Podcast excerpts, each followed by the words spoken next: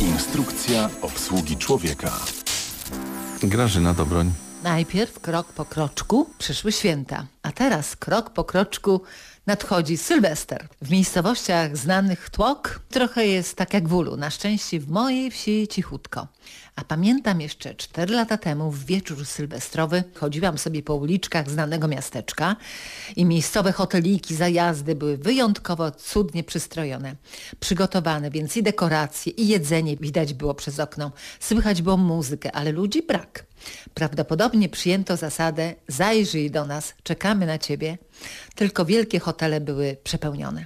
Dzisiaj jesteśmy jeszcze między starym a nowym rokiem, czyli w przeciągu. I choć ten wieczór sylwestrowy jest tak umowny, to sama zabawa niczego nie zmieni w naszym życiu. We wtorek proszę obowiązkowo i z sensem zamknąć jedne drzwi i otworzyć kolejne.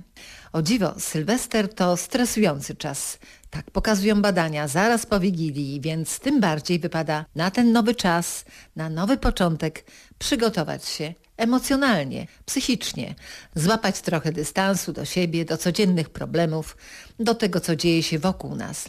No i bez względu na temperaturę nie wolno dopuścić do stanu zamarzniętego serducha. To, co warto zrobić, to wejść głębiej w siebie, podrążyć ten nasz człowieczy materiał. A co można tam znaleźć? Smutek, żal, gniew. Jak doświadczamy takich stanów, to albo chcemy się tego pozbyć, albo gdzieś skrzętnie i sprytnie ukryć, żeby nikt nie zorientował się. A samotność, o, dołujące, nie przyznam się. To chcę Państwu powiedzieć, że nie da rady tego wygumkować, zamknąć w jakiejś szkatule. To nie tak. Chętnie powołam się na Jeffa Fostera. Dziś uznanego pisarza i nauczyciela duchowego, dla którego kiedyś depresja stała się mocno transformującym przeżyciem. Popchnęła go ku marzeniom. Ufam takim ludziom. Sami przeżyli, więc wiedzą, jak obchodzić się z trudnościami. Nie walczyć, ale właśnie obchodzić się z emocjami.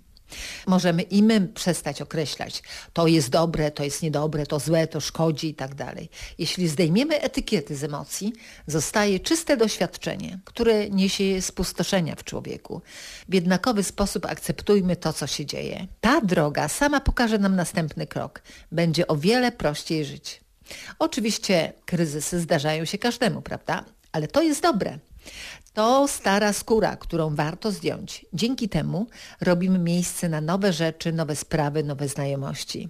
Mądrzy mówią, kryzys to nie błąd w działaniu, to szansa na głęboką przemianę. No i nie planujmy za to, nie opracowujmy strategii. Dziwne, prawda?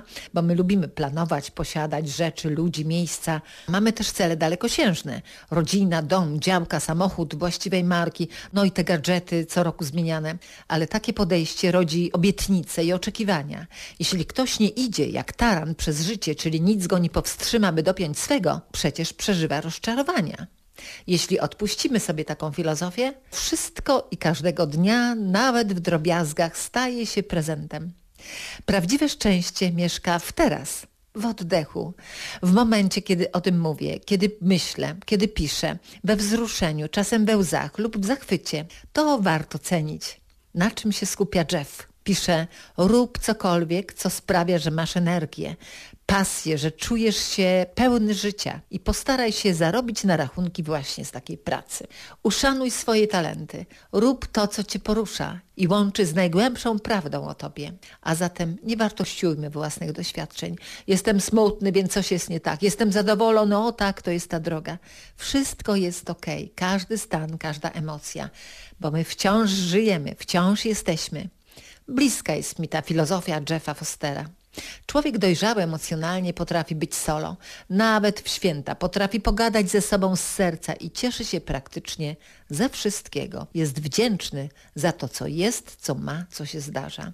I nie musi obchodzić Sylwestra, żeby robić plany, nie musi robić postanowień noworocznych, liczy się tylko dziś ten nastrój, praca do wykonania, ten obowiązek i ta czułość do wszystkiego, co żyje. Aha, moc serca, chcę powiedzieć, rodzi się w człowieku, kiedy przestaje narzekać, kiedy lubi i szanuje innych ludzi i kiedy ego nie kręci nim. To się nazywa skromność, proszę Państwa. Więc ciekawych doświadczeń wciąż Państwu życzę, no i zadbania o siebie. To nie egoizm, to dzisiaj konieczność. Pozdrawiam z Karkonosze. Grażyna Dobroń. Dziękujemy bardzo, pozdrawiamy.